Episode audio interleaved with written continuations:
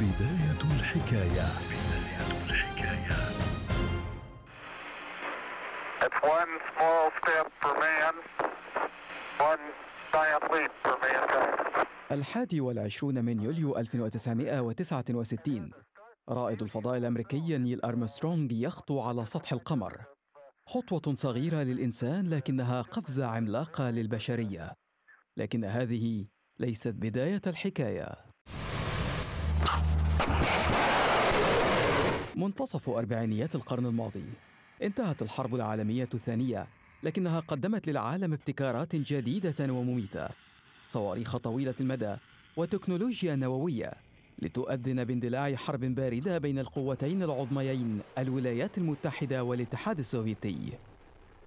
تتسابق القوتان في سباق تسلح محموم لا تكتفيان فيه باستعراض القوة على الأرض ويطلق الاتحاد السوفيتي في أكتوبر 1957 سبوتنيك واحد كأول قمر صناعي يدور حول الأرض مطلقا شرارة بدء سباق الفضاء Our satellite Sputnik lifted at 22 hours 28 minutes Moscow time and entered orbit around the Earth. يصاب الأمريكيون بالذعر ويردون بتطوير وإنتاج كميات هائلة من الصواريخ البالستية العابرة للقارات لتحقيق سياسة الردع للحرب النووية مع السوفيت المعروفه باسم التدمير المتبادل المؤكد.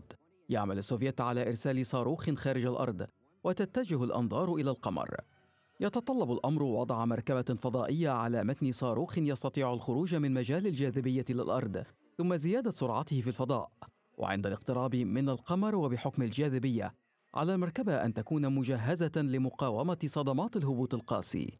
في سبتمبر 1959 يحقق السوفيت انجازا آخر بالهبوط على سطح القمر عبر البعثه لونا اثنين غير المأهولة ويتبع السوفيت إنجازهم السابق بإرسال أول بعثة مأهولة في الفضاء في أبريل 1961 يدور الرائد السوفيتي يوري جاجارين بمركبته حول الأرض.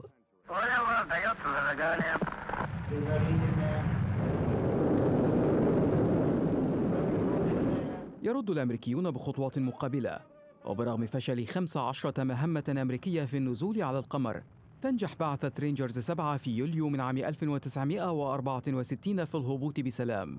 يظهر البلدان أمام العالم قدرات تقنية متساوية تقريبا. لكن السوفيت يعانون من كلفة المشروع العالية. يفقد الزعيم السوفيتي نيكيتا خروشوف حماسته برغم عدم رغبته في إظهار الهزيمة أمام الأمريكيين. وفي المقابل يقرر الأمريكيون إرسال مركبة مأهولة للمرة الأولى للقمر. ويتم تجهيز المركبة أبولو وعلى متنها ثلاثة رواد هم نيل أرمسترونغ وباز ألدرن ومايكل like وبينما كانت ناسا تستعد لعملية الهبوط يحضر الرئيس الأمريكي ريتشارد نيكسون خطابا ليلقيه في حال فشلت مهمة الرجوع للأرض يأتي في الخطاب أن هؤلاء الرجال الشجعان يعلمون أنه لا أمل في إرجاعهم. لكنهم يعلمون أيضا أن هناك أملا للبشرية من خلال تضحياتهم. الحادي والعشرون من يوليو 1969 لحسن الحظ لا يضطر نيكسون لإلقاء خطابه. يهبط أرمسترونغ من مركبته في حدث يتابع فيه 500 مليون شخص عبر شاشات التلفزيون. أول خطوات بشرية على سطح القمر. حكايه